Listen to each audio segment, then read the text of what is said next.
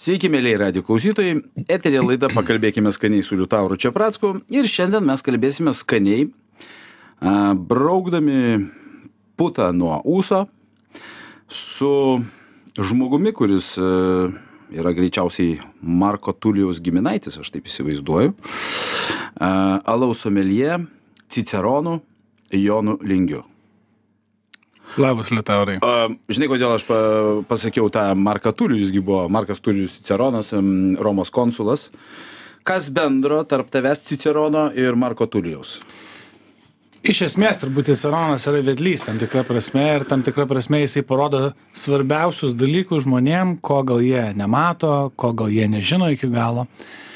Tai mano užduotis kaip alaus Cicerono, kaip žmogaus, parodyti ekstra papildomą žingsnį, papildomas kryptis, kaip žmogus gali atkreipdėmėsi į alų, į maistą, į jų bendrystę ir bendrai suprasti, kas vyksta tame pasaulyje. Biškai šiek tiek e, tave pertrauksiu, nes matai, niuansas yra toks. e, Vis tik tu nesi Jonas Lingys Ciceronas. Tu esi Ciceronas Jonas Lingys, tai kad žmonės suprastų vis tik tai, na, Markas Tulijus tai buvo tas e, žmogus, kuris, kaip sakant, e, švietė mm, ir ką tu sakai, vedlys buvo. E, Tai mes grįžtam čia į Romos imperijos laikus, bet kalbėkime apie tai, kas tas Ciceronas apskritai tavo atveju. Ciceronas tai yra bendra tokia a, mokymo sistema, sukirta Amerikoje, kuri iš esmės sujungia bendrų žmonių kiekį į vieną grupę, kurie žino tam tikras vienodas arba labai labai panašias žinias. Kitaip kalbant, alaus somelė yra vienas dalykas, tai kai tu žinai apie alų, šiek tiek žinai apie tam tikrus derinimus su maistu, šiek tiek žinai apie jo istoriją ir panašiai.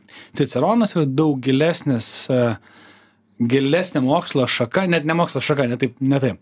Iš esmės Ciceronas tai yra tam tikra gru žmonių ir žinių sugrupavimas pagal tam tikras taisyklės. Kitaip kalbant, aš esu vienas iš nedaugelio žmonių, kuris turi tą titulą, tai reiškia žmogus, kuris, nu, pakankamai žino apie alų, apie alų su maistu. Kiek. Lietuvoje yra Ciceronų? E, Vienas. Išskyrus ta- tave ar su tavimi? Aš vienas. Ai, čia tu esi. Baltijos šalyse e, taip pat vienas. O tai pasaulyje atleisiu jų gal keturi yra. Ne, ne, yra daugiau. Yra šiek tiek virš 3000. Tai 3000 Ciceronų ir vienas pas mus. Vienas čia. Taip. Tai dar tada prateskim tą temą. Kokiagi to Cicerono yra užduotis, ką jisai gali papasakoti kitaip negu lausomelie, kai tu kalbė apie tą sugrupavimą žinias, tai vat, kas tai yra daugiau. kad Ir mes- viską ir nieko. Iš esmės tai labai priklauso nuo žmogaus, ką jis nori parodyti ir ką jis nori pasakyti. Vieni ciceronai iš esmės atlieka tik tai mokamąjį darbą, tai veda tam tikrus irgi panašius užsiemimus ir panašų lygį apie balaus pasaulį teikia kitiems žmonėms. Kiti ciceronai daugiau dirba tą švietėjišką darbą, tokį, kad tiesiog daro tam tikrus renginius, vakarienės, alaus ir maisto, įvairias degustacijas ir panašiai. Tai čia kiekvienas žmogus, kaip jis įsivaizduoja ir kaip jis nori tą žinias perteikti. Mano atveju, aš kažkodėl turiu savo užsidėjęs tokį e, kryžių ant nugaros, kad aš turiu kuo daugiau žmonių labai per trumpą laiką, labai įdomiai ir paprastai suprantamai paaiškinti, kas yra alus. Bendrai, kas vyko 10 tūkstančių metų pasaulyje, turiu sutraukti į kokias 8 minutės ir papasakot pačius pačius svarbiausius dalykus. Tai aš va savo tokią keliu pagrindinę užduotį per savo renginius, per vakarienės, per e, tam tikras ten alaus akademijas ar panašiai. Mes keliausim per štai šį kelią mm, ir turbūt pirmas klausimas, kurį tau užduosiu, jis tau ir leis šiek tiek papasakoti ar da- dar daugiau istorijos. Žinai, pasaulyje dabar mes turime tokią madą, kuri vadinasi natūralus vynas. Ar ne? Mhm. Tai yra grįžimas prie tų ištakų, kada buvo gaminama va taip, čia viskas turi būti ne kitaip, amforos visokios ten, e, seniai gamybos metodai, pas kai kuriuos, ar ne? Man asmeniškai didesnė dalis natūralių vynų tai yra raugintos kopūstų sultys su persikų kvapu. E, Ten neįsižeidžia. Žinai, toks hipsteriškas gėrimas, kada esmė yra ne tai, kad tai būtų skanu, esmė, kad aš būčiau madingas. Ar alus e, turi tokią tendenciją atsigręžti ir grįžti į kažkokius tai senovinius gamybos būdus? Ir koks tas alus yra, vat, e, vat čia tau toks visai platus fildas, e, papasakoti tą, sakykime, kas vyksta dabar ir ar, ar, ar, ir čia egzistuoja tokia keista mada gerti neskanius dalykus. Teisus jūs, Liutaurai, mados saluje yra ir daug kalodarių jomis seka ir tai yra normalu. Tik tai kad tos mados galų gale verčiasi į tai kad kažkada buvo kažkas panašaus prieš prieš kelis šimtus ar tūkstančius metų. Kitaip kalbant tai tu nieko naujo per daug neišrandi tiktai atsigręži į tai ką tu turėjai. Apie kalbant e, natūralų ar nenatūralų apie vyną kaip kalbėt alus iš esmės visas pasaulyje yra natūralus nes visas yra iš keturių pagrindinių ingredientų salyklas vanduo apyniai ir mielės plius ant viršaus jeigu tu nori gali dėt pačius fainiausius prieskonius a, Sičuano pipirus, bergamotę ar ką nori, jalų ir gauti dar įdomesnį. Vynas yra iš vieno ingrediento. Exactly. Dėl ko alus kompleksiškai yra toks sudėtingas kūrinys, kaip ir šefo sukurtas patiekalas. Nes tu kuri ne iš vieno ingrediento, bet iš keturių, kurių yra labai daug skirtingų rūšių. Vien salykla, 200 virš 200 apinių, apie 100 mėlių skirtingų, vandu, vandens skirtinga sudėtis. Uh, vienas minkštesnis, kietesnis, daugiau, mažiau ištirpusių mineralinių medžiagų ir tu gauni visai kitą variantą. Lygiai taip pat kaip virtuviai. Dėl ko tos mados alaus iš esmės jos atsigręžia nebent į tai, kas buvo prieš tūkstančius metų, tai kad aluderiai pradeda galvot, kad hm, būtų faina salyklą pirkti ne iš panevežio, bet gal pačiam užsiaugint. E, ir pačiam nusikult grūdus, pačiam sudaigint ir naudoti aluje. O būtų faina turėti savo apinyną, o ne pirkti apinius iš e, Jekimo slėnio Vašingtono ten valstijo arba ten kur nors iš Naujosios Zelandijos. Va, būtų faina van, vandenį naudoti ten iš mūsų šulinio, nesvarbu, ar jis geras ar ne, bet turiu minį grįžta į tai, kad tu bandai kiek įmanoma pats turėti savo ingredientus. Nors realiai visi pasaulio luderiai, jie perka ingredientus iš viso pasaulio ir tiesiog geriausią derinį sukomplektuoja ir padaro vieną mažiau ar labiau skanesnį alų. Tai alaus madas viena prasme sukasi link to, kad, nu, kad grįžta prie tų šaknų, kad faina turėti pačiam ingredientus savo sodį užaugintus. Kita dalis e, yra ta madingoji, kad jo, jo, labai faina daryti alų kuo rūkštesnį, kuo kartesnį, įdomiausių vaisių pridėti, gauti tam tikras tikėtas, netikėtas skonio, aromato kryptis ir panašiai. Tai yra labai daug žmonių skirtingų mėgstančių, mėgstant kurie mėgsta alų. E, nesakyčiau, kad tai tik tai tie, kurie domisi kažkokiam labai ten nišiniam, nu, nišiniais dalykais, bet tiesiog yra labai platus žmonių ratas, kuris mėgsta alų, dėl to tas alus yra beproto kitoks ir išskirtinis ir skiriasi nuo labai labai lengvo lagerio iki labai sudėtinio, kompleksiško ten miežio ar kviečių vyno. Čia turiu minėti alaus stiliaus pavadinimas. Taip. Tai yra labai labai skirtingo. E, Žinai, visa problema su tuo alum yra viena. Mm, Ten, e, kiek aš suprantu, moteriško estrogenų yra ir nuo jo vyram krūtis pradeda aukti. Tai jų tiek, kiek bet kokiam salikeliniam produktui. Klausimas vienas, ar yra tokio alaus, ant kurio būtų užrašyta no estrogens, taip sakant. E, Aš sakyčiau, net vieno, nemačiau ne vieno alaus, kur būtų parašyta, kad yra estrogenų jame. Tai čia yra visiškai normalus dalykas. Yra toks, kad jeigu jūs valgo duoną arba bet kokią kitą grūdinę kultūrą, tai iš esmės tu gauni labai panašius dalykus. Tai čia tik tai, tik tai kiekis. Dėl to alus ir buvo vadinamas kista duona. E, būtent dėl to, kad alus, nežinau, ar galim taip sakyti, bet jeigu kalbant istoriškai ir moksliškai, jisai turi pakankamai maistingų medžiagų. Mes negalim taip sakyti. Iš salyklo, turiu omeny, salyklas, bet jisai turi kalorijų, tai faktas. Kalorijų turi, sal, salyklo gėrimas, Taip. taip. jisai turi, turi medžiagų. Nesgi nepamirškim tokio dalyko, kada esi žmonės tik kalą ir gėrė nuo ryto lygi vakaro, visi su mažiukais vaikais tame tarpe. Vienas dalykas dėl to, kad vanduo buvo, kaip, ži- kaip žinia, iš istorijos užterštas, kitas dalykas dėl to, kad tai buvo viena iš pagrindinių priežasčių, kuri varė civilizacijas į priekį. Daug, daug dalykų, kaip Gizos piramidės, kaip kiti pasaulio stebuklai, istoriškai yra pagrįsta, kad jie nebūtų atsiradę, jeigu nebūtų šito produkto, nuo ko prasidėjo pagrindiniai ir vi- vieni pirmųjų pasaulio mokesčiai ir taip toliau. Tengi ilgas alų mokėjo, ar kažkaip, ne? Ar A, taip, gerti jo? Taip, ir duodavo ir taip, ir taip. Ir gerdavo, ir mokėdavo vieną kaip algą. Įsivaizduokit, statot piramidę 40 metų, Neįsivaizduoju. 20 valandų per parą ir jūsų užmokestis yra 4 litrai alaus per dieną. Na, Tik tai tai gali varyti į priekį, kai tu dar žinai, kad tu visą gyvenimą tu dirbsi tą patį darbą. Man kai... Neįsivaizduoju aš save statančio prie plus 40 piramidžių 40. Aš irgi ne, bet, bet kažkas statė jų. Žinai, dabar viškai nukrypsiu nuo temos mm, ir tokį užduosiu netradicinį, standartinį klausimą. Kokias lako spalvas tu mėgsti rinktis, kai tau daro pedikiūrą? A, kadangi mačiau ant dienų tavo, taip sakant, em, socialiniam tinkle, kad tu sėdėjai ne salonė greičiausiai, bet su gražiai nudažytais kojų nagais, žinai, aš nieko nesakau, aš ne, ne, nepolu tavęs smerkti, ten vertinti. Bet ar turi spalvos pasirinkimą? A, labai retai. E, Dažniausiai manikiūrę e, pasirenku spalvą, kai mano princesė dažo, dėja pedikiūrai dažnai neturiu, neturiu pasirinkimų. Čia- Jau kaip, kaip gaunasi, taip jau taip Čia mane tie, kas nežino, tai čia tavo duktė tau kojas dažė. Gali būt kiek nori kiečiausias pasauly vyras, mačo ar taip toliau, bet jeigu tavo dukra savo, kad dabar laikas grožio salonui, tai laikas grožio salonui. Žinai, aš tau pritarsiu.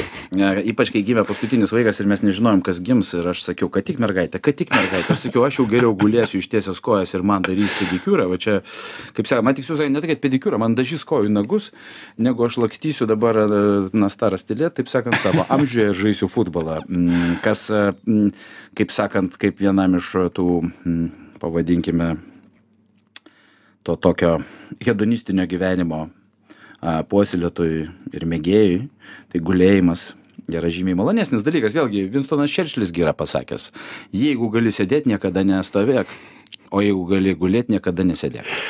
Jis vienas iš tų asmenybių, kur pasaulyje padarė beproto daug gerų dalykų, vien todėl, kad jisai pats savo buvo net raštelį įsirašęs, jeigu neklystu, kiek jisai gali suvartoti tam tikrų gėrimų per dieną. Gydytojo raštelį. Ja, nu, dietos mes jau ne, nenagrinėkim, bet ta dieta yra iš tikrųjų um, unikali apskritai. Alus ir moteris. Tai kogi mes turime būti šiai dienai, kaip e, žmonės mėgstantys alų, dėkingi moteriams? Nes nuo moterų viskas prasidėjo. Ir beveik visada viskas prasideda nuo jų. Ne, ne, ne beveik. Šiaip viskas, Viskas prasideda, prasideda nuo, nuo moterų. aš prasidėjau, tu prasidėjai. ir net moteris prasideda nuo moterų. Šimtų procentų. Be to mes neturėtumėm pačių geriausių pasaulio dalykų. Vienas iš jų yra alus būtent. Moteris buvo tos, kurios buvo atsakingos už alus procesus ir jos virdavo alų. Ir jos vienas iš tų vienintelių, kurios žinojo, kaip tai daryti. Tai čia tu kalbi tikrai apie, ne apie Lietuvą, nes pas mus vyrukai. darė. Keli tūkstančiai metų atgal, penki, šeši ir panašiai. Nors Lietuvoje, žinokit, daug kur yra moterų aludarių, e, kurios atsakingos už tą procesą. Čia šiandien. šiai dienai ir jeigu grįžtant kelis tūkstančius metų atgal tai kai kurios daryklos net ir išlaiko tas tradicijas nežinau specialiai nespecialiai bet moterys verda alų Čia Lietuvoje ar užsienyje? lietuvoje Mes turime tokias e, alaus daryklas, kurios jau 2000 metų verda alų. Mm, du tūkstančiai ne bet kad moteris vadovauja pagal tuos principus taip O jeigu imtume seną Lietuvą, tai moteris, e, kas anksčiau gamino alų, aš kažkaip visą laiką įsivaizduoju, kad tai čia buvo vyriškas darbas. tai vyriškas darbas turbūt prasidėjo nuo tada kada jeigu istoriškai žiūrint ne apie lietuvą kalbant tai vienuoliai kada kada užsibrėžė tam tikrą tokį ne tai kad grynumą bet savo tam tikras gyvenimo taisykles aštuonias valandas dirbk aštuonias valandas padėk kitiem ir aštuonias valandas melskis. Tai iš esmės jų darbas būdavo mėgoti gamint atsiprašau, kad. tai vat būtent kad miegot nereikėjo nes jie nuo dievo siųsti tai jiems miegot nereikia. Tai ką jie darydavo? Jie gamindavo sūrius ir darydavo alų. Ir iš esmės tas pagrindinis e, jų procesas darbo būdavo gaminti produktus juos parduoti ir surinktus pinigus skirti labdaros tikslams kas iš esmės ir tai paskatino tam tikrų alaus rūšių stilių atsiradimą bet jeigu taip dar anksčiau žiūrint tai moterys tos kur nu realiai egipte jau buvo skirtingi alaus stiliai tai ką moterys sugalvojo aišku tas alus buvo labai kitoks O buvo koks jis vat buvo? Krūva priemaišų buvo aš nebuvau e, visų pirma septynis tūkstančius metų ar šešis ar penkis Dar neapsilankėte. atgal, dar nepavyko dar bet e, į alų buvo dedama be grūdų be salyklo kuris yra vienas iš ingredientų be vandens ir be laukinių mielių nes ore sklaido ir dabar pilna laukinių mielių kurios vyksta vykdo fermentavimo procesą. E, žmonės dėdavo dažnai e, įvairių šaknų įvairių prieskonių e, nuo pipirų jeigu tais laikais būdavo iki bet kokių mm, panašių į apinius ingredientų vaisių uogų medaus cukraus tam kad tiesiog lengviau mielės jį paverstų į angliarūgštį ir į alkoholį tai tas alus buvo tiesiog raizgalynė ir maišatis visiškos nesąmonės kurią žmonės ragaudavo per šiaudelį siurbdavo ir beje šiaudelis atsirado būtent alaus dėka O ne kokteilių. o ne kokteilių dėl to kad reikėjo siurbti alų iš krūvo priemaišų Ai, ta prasme, kad e, Taip. tiesiog e, jos plūduriuodavo paviršiui, o tu merkdavai kaip būtent, kompotė į apačią. būtent būtent būtent na žinai aš tau ką pasakysiu šiais laikais mano giliu įsitikinimu mes turime tokių alų kur tu galvoji kokių čia nesąmonių pridėta pavyzdžiui kai aš paragavau rūkyto alaus e, ir aš pagalvojau kad kažkas tai e, įdėjo daktariškos šitos ne dak kaimiškos rūkytos dešros šliosą į tą alų ten pamirkė man visiškai tai aš kadangi nemėgstu mm, tų saliklinių Labai tų rūkytų, ar ne? Labai tų didelių dalykų alų. tų Mhm. ir tų viskių. Man niekada jie nebuvo skanus, jų net Coca-Cola nepataiso, tai ta prasme, žinai, aš čia va šitoje vietoje vėlgi pripažinsiu, aš e, kaip ir kiekvienas žmogus turi pačių keisčiausių įpročių. Pavyzdžiui, vaikystėje man labai patikdavo e, sausainiai gaidelis, e, pertepi sviestu, sudedi, o tada ant viršaus daktariškos dešros, ne daktariškos, rūkytos dešros, kindziuko ir su rūkyta dešra, sviestas ir, ir, ir du gaidelio sausainiai, tai buvo mano firminis sumuštinis. Ir mes visi turėjom tokių keistų pomėgių greičiausiai. Arba kiti neturėjo pomėgių, jie ir po šiai dienai jų neturi, tai žinai. Ir jie dabar valgo tą sausainį, turbūt susijęstų perteptų, bet be dešros. Su noriu pasi-. Ką noriu pasakyti, iš esmės, ką kalbat, kad apie skirtingų skonių suderinamumą viename, nu, patiekale. Taip. Tai alus greičiausiai irgi yra toks dalykas, gebėjimas. Bet vis tik grįžkim, žinai, natūralus vynas ir natūralus alus. A, nieks nebando sakyti daryti. Dėl ko? Tas alus negeriamas turėtų būti, ar ne? Ne, ne, apie natūralumą turiu minėti, kad jie visi. Ne, aš kalbu, žinai, kaip grįžta prie tų senųjų, vat, e, vos ne. Kaipgi tas anksčiau alus, jogi nieks nepirstė Lietuvoje, jį pasiamdavo ir gerdavo. Jo, bet tu niekada ir prie tokių ištakų nenori grįžti. Kaip ir niekada niekas nenori grįžti prie... O kodėl visi grįžta prie tų natūralių vynų? Jo, bet tai vynas natūralus, jisai bet kokia atveju jisai turi vis tiek panašius motyvus. Jisai yra vis tiek rūkštumo pusę, vis tiek jisai nepameta to. Jisai yra turbūt drumstesnis labiau ir dar kokie motyvai išlenda panašus į tam tikrus vynus, ar ne? Aš taip įsivaizduoju. ką, taip bendrai ragavęs? Aš esu ragavęs, bet aš tikrai negaliu dabar čia teikti. Na, įdomu buvo ragaut, bet įdomu ir būna skanu arba neskanu. Tai labiau į tą pusę, e, kur ne. Bet aš nesu vienų specialistas, kad galėčiau teikti ir pasakot e, vienaip ar kitaip. O tai, žiūrėk, o tavo profesija nenumato vis tik, kad e, tu turi lyginti ir, kit, ir konkurentus, pavadinkim. Em, Aš galiu lyginti per kitą prizmę. E, Tiksliai apie vynogas aš negaliu šnekėti, nes tikrai neišmanau ir būtų gal mano atveju neprotinga tai daryti. Aš galiu tik tai lyginti, kaip vienas ar kitas, e, tarkim, gėrimas ar vynas, ar tekila, ar meskalis ir alus dera su maistu, kokia kom- kompleksija jų, prie ko gali, prie ko negali. Iš šitos pusės daugiau ką galiu pasakyti, ir alus šitoje vietoje yra beproto universalus. Visom prasmėm buvo, yra ir bus. Čia tiesiog e, net nėra net nėra kaip daugiau pasakyti, nes tiesiog daug ingredientų, kurie duoda labai labai skirtingas skonius. Tai grįžtant prie tų e, natūralumų, nenatūralumų, tiesiog nėra aludarių, kurie norėtų visiškai daryti nešvariai taip, kaip buvo prieš ten šimtus tūkstančius metų. Vis tiek tai yra švara, tu turi prižiūrėti, turi šitą dalyką susitvarkyti, kur jau vėliau, jau kalbant taip, yra alaus su laukinėm melėm. Belgai tą daro. Lambikas. Lambikas. Net yra šiaip laukinių melių išviestų, kur tu jas gali naudoti ir jos yra šiek tiek nuspėjamos labiau negu tos laukinės e, mielės, kurios naudojamos, tarkim, lambikų, belgiškų alų, tam tikrų rūkščių, tokių labai labai grubių alų virimui.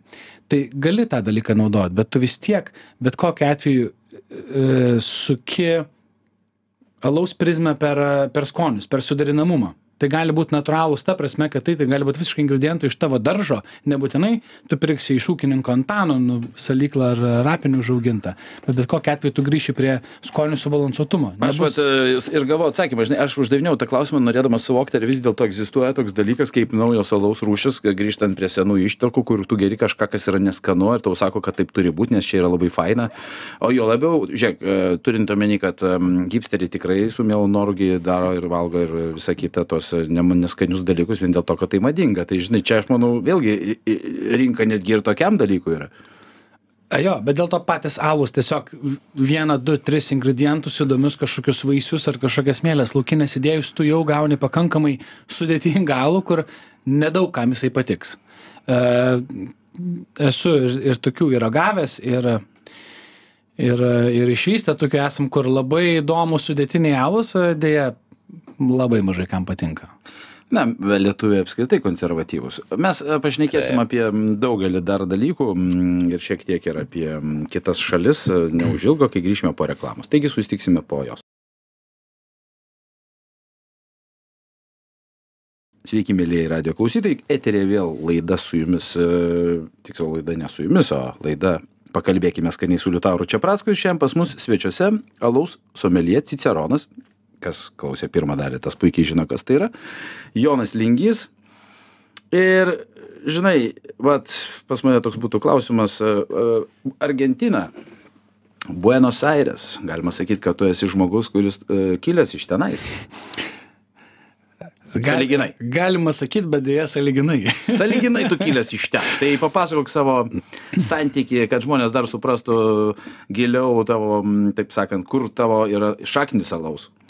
Labai manau, kad ten yra šaknis. E, Iš esmės, šeimos istorija e, taip susiklostė, kad mano prosenelė po pirmo pasaulinio karo, kaip ir daugelis lietuvių, e, keliavo į Nedaugelis. pietų. Aš kažkaip manau, kad buvo. Jeigu būtų daugelis gal. iškeliavę, mūsų čia būtų nelikę klausyk. Bet kažkas grįžo, kažkas dalis, grįžo, dar, taip sakant, kažkas dalis. grįžo. Tai po pirmo pasaulinio karo. Išvyko į Argentiną, Buenos Aires ir, um, ir jinai susipažino su, e, su vyru, kuris buvo aludaris e, Buenos Aires. Ir jisai į Lietuvoje jau buvo aludaris. Tai Jisai, tas vyras atleisk irgi buvo lietuvis. jisai buvo lietuvis. Ir jisai išvykęs į, į Buenos Aires dirbo aludariu. Ir jisai virė alų. Dėja, nežinau kokį, nežinau kokioj daryklai. Turiu tik tai seną termometrą, kuris yra šimto gal dešimt metų senumo ir kuris veikia iki pašioliai ir daugiau nieko nežinau. Ir žinau, kad jisai ten virdavo alų, žinau, kad jisai grįždavo prakvipęs visom įmanomom misom, salyklais, apiniais ir panašiai. Ir mano mučiutė tiesiog gimė tenai ir paskui jie visi grįžo į Lietuvą po kokių gal dešimt metų ar panašiai. Ir čia toliau pratęsė savo ludarystės uh, Tai o, o čia jau ar žinai, kur dirba Lietuvoje? E, Šiaurės Lietuvoje. Vėlgi, konkrečiai nieko nėra, aišku. Šiaurės Lietuvoje, biržose. Biržuose. Taip. Tai, tai jis buvo tenai paskui Ludaris ir, ir viskas. Ir kažkaip aš kai galvoju apie savo kelią, tai e, nemeluosiu, kad dalis e, visko, ką aš dabar darau, tai buvo įkvėpimas, kad niekas daugiau to nedaro šeimoje. Kad, Jonai, arba tu, arba, arba taip ir liks viskas dar labiau nežinoma. tai va, ir pradėjau savo kelią, kelią alaus, alaus cicerono, švietėjo, gido, rodytojo. A, stebiu tokį Ragautoją. vieną čekų blogerį, nu, ten vlogerį, nežinau. Jis turi tokį gerą YouTube kanalą.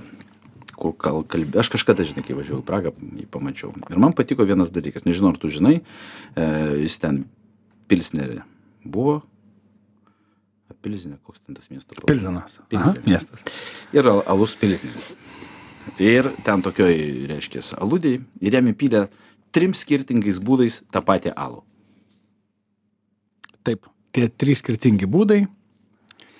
Vienas yra praktiškai visiškai su puta. Ta prasme, ten buvo, vienas buvo vien visas puta. bokalas puta, kitas yra pusė alaus, pusė putos, o trečias yra mums lietuviams suprantamas su dviejų pirštų pas juos dėja daugiau tos putos negu du pirštai turbūt yra. Nes kai tu sinikščio taisyklė arba du pirštai, kiek Taip. turi būti putos. Yra, Tai labai priklauso žiek nuo nykščių. Jeigu tai, Jeigu tai Savicko Taip. pirštai, tai čia žydrūno gali Gerai, būti. sutinku, jo, tai du pirštai, Kaip du- du mano pirštai. visas delnas praktiškai. du pirštai, du pirštai. Iš esmės tai duoda kremiškumo pojūtį, kada ragauja alų. Jeigu ragauja alų, kur putos yra tik tai viršui, ant lūpų lieka, put, ant e, ūsų lieka puta, šiek tiek paraga ir praktiškai ragauja talų. Pilsneriai dažniausiai yra sausesni, nu vadinami, tokie turi tą, um, bandau atsiminti, kaip tas žodis vadinasi, toks skalsus, jisai labai, labai lengvai susigeria, šiek tiek lieka kartumo, nes, nu, čekiški pilsneriai turi apinių kartumo, tas Kaip apinys... sausas, bet šlapės. Na, Čia, čia jau prasideda, jau prasideda laus kalba. tai tie apiniai nėra tokie, pavyzdžiui, kaip, kaip kokie iš Naujosios Zelandijos, Australijos ar Amerikos, neturi daug citrusų, kaip tik turi daugiau tokių vaistažolių, atrodo, ir tokios, tokių lengvų, lengvų šieniškų charakterių. Labai skaniai, fainai susigeria. Jeigu ragavo talo, kur yra pusė laus ir pusė putos, tada jūs daugiau siurbėt putos ir šiek tiek tada ateina to laus ir gaunasi labai kremiškas pojūtis. Puta labai labai tokių mažų smulkių burbuliukų, bet jeigu ragavot vien putą, tai ragavot vien putą. E, aš galvoju, kad reikėtų nuteist už tokį alaus A, mano giliu Bet įsitikinimu. čia aš juokauju, aišku. prasme, Ne, tai aš čia- suprantu, bet aš galvoju, tu, jeigu būtum, reiškia, tuo barmenu, kuris taip įpila, tai čia Lietuvoje, norėdamas apšviesti žmonės, tu į nosį gautum. E, tikrai taip. Tikrai, tikrai taip. Lygiai taip pat, jeigu tu piltum be puto, ar per daug putos UK, tai tikrai, tikrai, tikrai tai būtų. Lietuvoje gal dar žmonės kažkaip ten mažiau žiūrėtų į tai. Kaip su puta UK, kas būtų? Jeigu per didelė puta, nu tarkim, jeigu ten, įpiltum trijų, keturių, tam tikruose eluose, ten kaskiniuose eilose, kurie yra tebevykstanti, fer, tebevykstanti fermentacija, ten medinėse arba tokiuose specialiuose geležinėse statinėse, ten dar kitoks alus šiek tiek, bet ten viskas ok gauti alų, nu kaip, viskas ok gauti alų be putos, turiu minį, kad ten labai kažkas per daug nieko tau ir nesakys. Nors teoriškai daugelį alaus stilių privalo būti puta. Tai grįžtant prie to, mano atveju ir mano supratimu, tai keistas labai Labai, labai, labai keistas, e, keistas alus ritualas čekiai, bet taip jie turi. Ir tai yra knygose aprašyta, kad tai yra normalu. Kad nenustepk žmogau atvažiavęs, kad taip tu gali- žinot, kaip paklausti. rast. Jeigu tu Taip. pasakai vieną ar kitą terminą, jo, aš irgi girdėjau, mane tas labai nustebino, kokia keistenybė. Ar esi lankęsis e, didžiausioje, kaip sakant, alaus šventėje, e, kuri mano giliu įsitikinimu yra didžiausia pinigų ištrešimo šventė, kuri vyksta savaime suprantama Münchene? Um, didžiausias alaus festivalis yra e, Amerikoje. A, matai, aš tai ž- taip toli nematau. Taip, taip, taip, bet tiesiog žmonėm tai yra e, lietuviškai didysis Amerikos festivalis alaus. Ir jis yra tikrai didelis, labai fainas, labai įdomus. Man ten dar neteko būt. Tikiuosi, greitų metų ten nuvyksiu. Bet taigi, jis- bet žiūrėk, jisgi nesenas. E, ne, ne, jisai nėra senas. O mes kalbam apie tradiciją. Aš toj prie jo prieisiu, nes ten tiesiog reik, noriu paruošti Gerai, klausytojus. Europoje vienas fainiausių alaus festivalių yra Mikeller Beer Celebration, toks didelis ir suvažiuoja iš daug šalių. Uh, ir didesnių ir mažesnių daryklų, bet ten labai per skonį, ta prasme, kad tu gauni labai labai daug įvairiausių.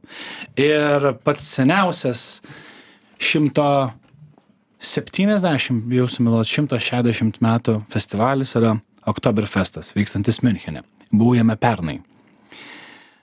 Alaus kultūros prasme, e, dabar kaip tą kultūrą mes suprantam? Vieni supranta kultūrą, kad... E, mhm, Turiu minį, kad ten kultūriškai e, toj šaly tai buvo visada ir tai yra labai malonu. Tu, tu atvažiuoji ir susilieji su ta kultūra, kaip ir šiaip turėtų būti, ar ne? Nu visur, kur, kur be keliauji, tu turi pažinti ir suprasti.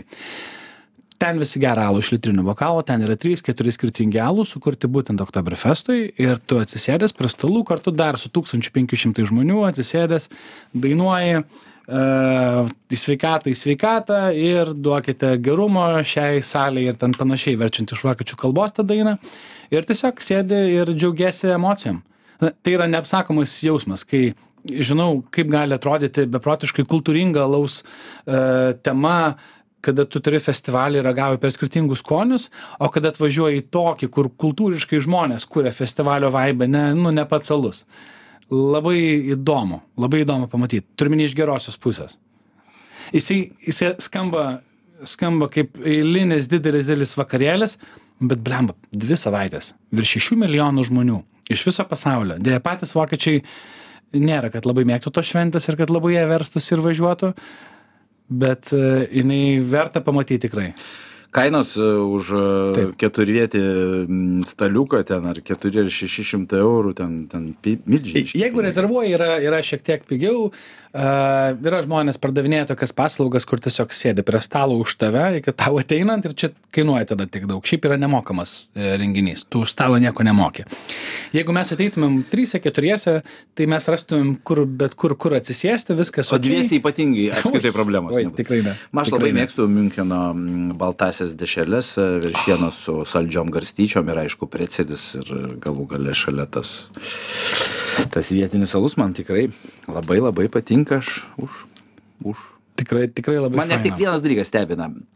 Buvau ne per seniausiai Münchenė ir vat, e, vienam iš restoranų, e, jie tai sako, kad jie pilsto alų iš medinės bačkos. Mhm. Ir galvoju, tai ką jie gabena ir žiūriu, ta bačka stovi. Ir galvoju, ar jinai prijungta prie vamzdžio, ar jie tą bačką atsivelka pastato.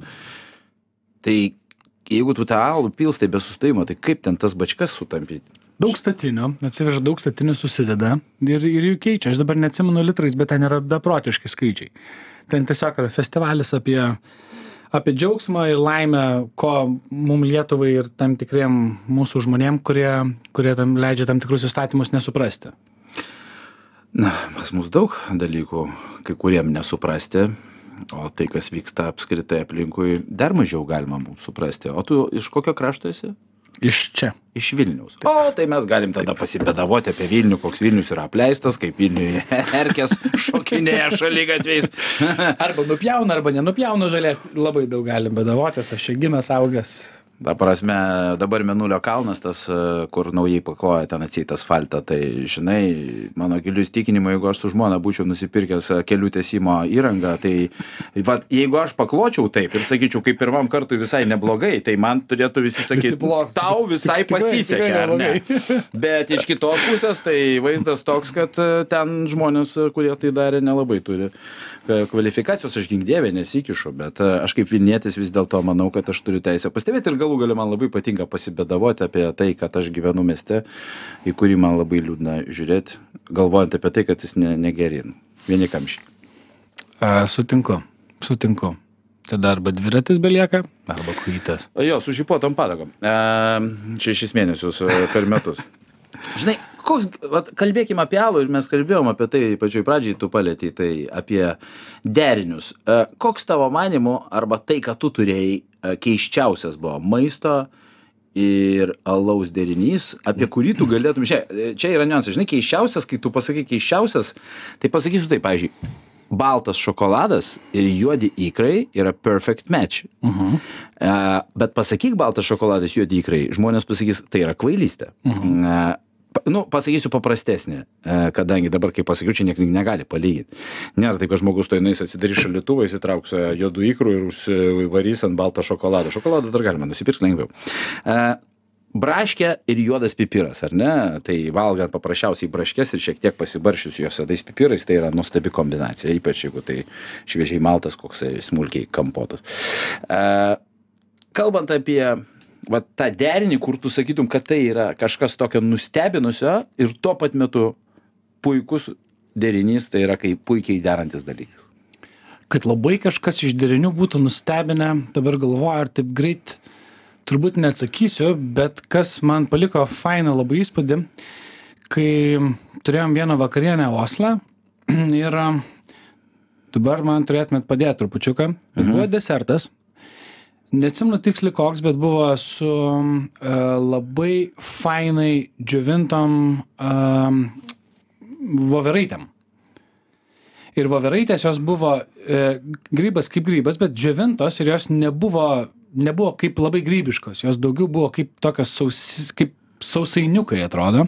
Ir buvo desertas nu ga galėjo būt panakota gal su galėjo būt leo- aš- leofilizuotos e, voveraitės jeigu Galėjo su būt. sausainukai galėjo būt gal tada liofilizuotos galėjo nes e, realiai e, apskritai voveraitės tokios e, mažai skonio turi. Okei mažai skonio. Nu aš jas labai mėgstu dėl nu vien dar vieną grybą labai mėgstu tai baravyką tai va du grybai kuriuos kuriuos tikrai mėgstu. Tai buvo toks desertas su voveraitėm kas atrodė šiaip nu keistas derinys bet alus e, buvo na visi sakys gal vau fainas. Man buvo suprantamas ir aiškus. Aš praktiškai žinojau kad jisai tiks. Man tik labai buvo dėl maisto keistas struktūros.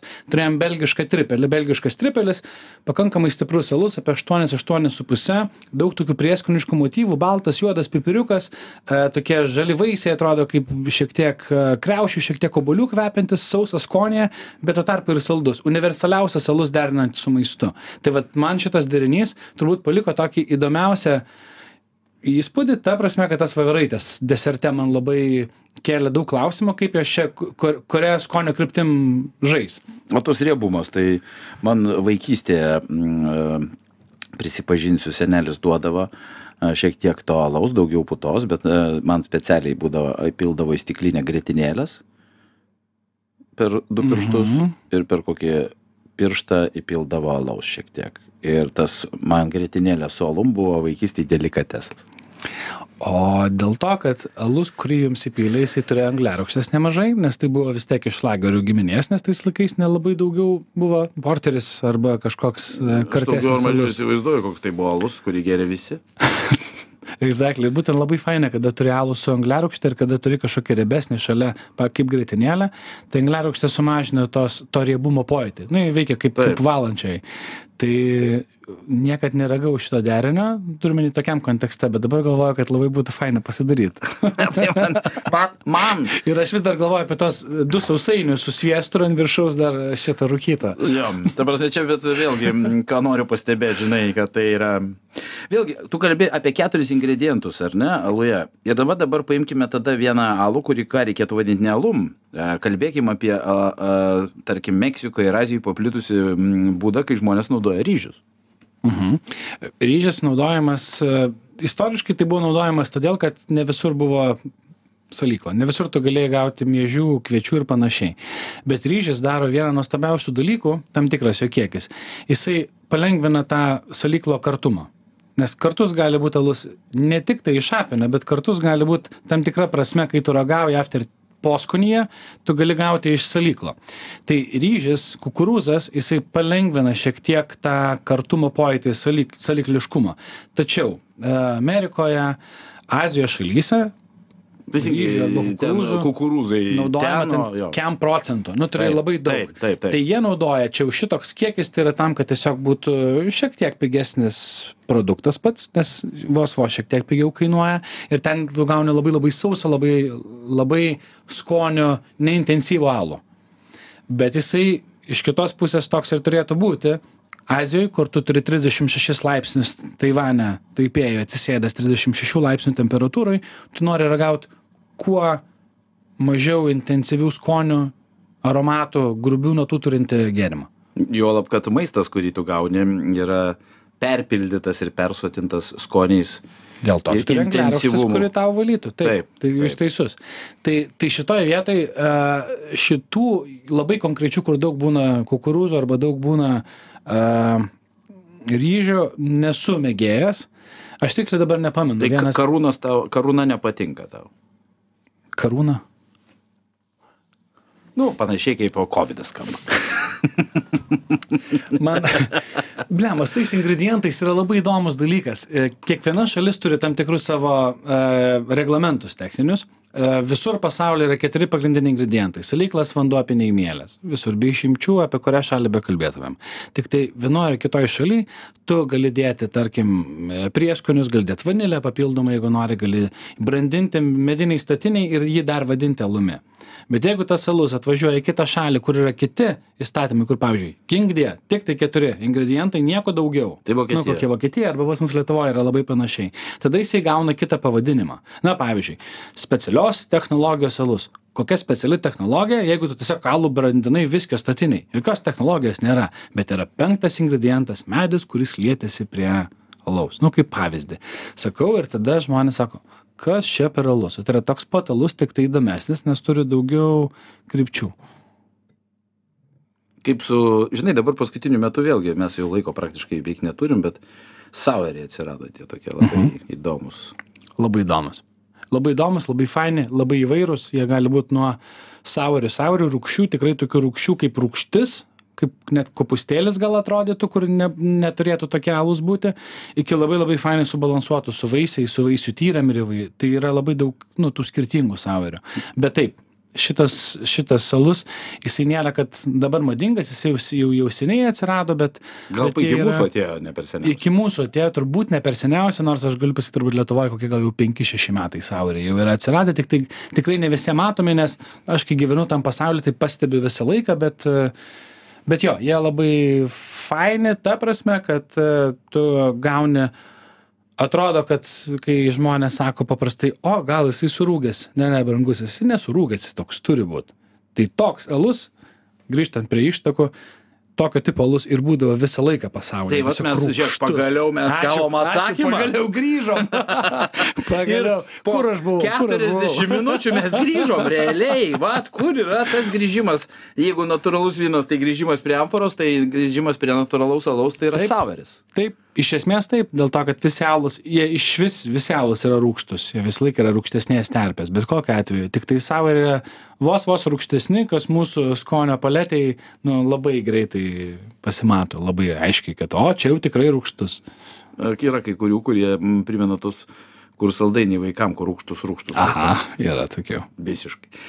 Kągi, Jonai, žinai trumpas palinkėjimas ką palinkėtum žmonėm e, tie kurie kaip sakant e, domisi skonių ir kvapų maiste suderinamume gėrimuose nesvarbu ką valgot ką ragaujat ieškokit skonių ir įsivaizduokit kaip jie gali tarpusavy derėt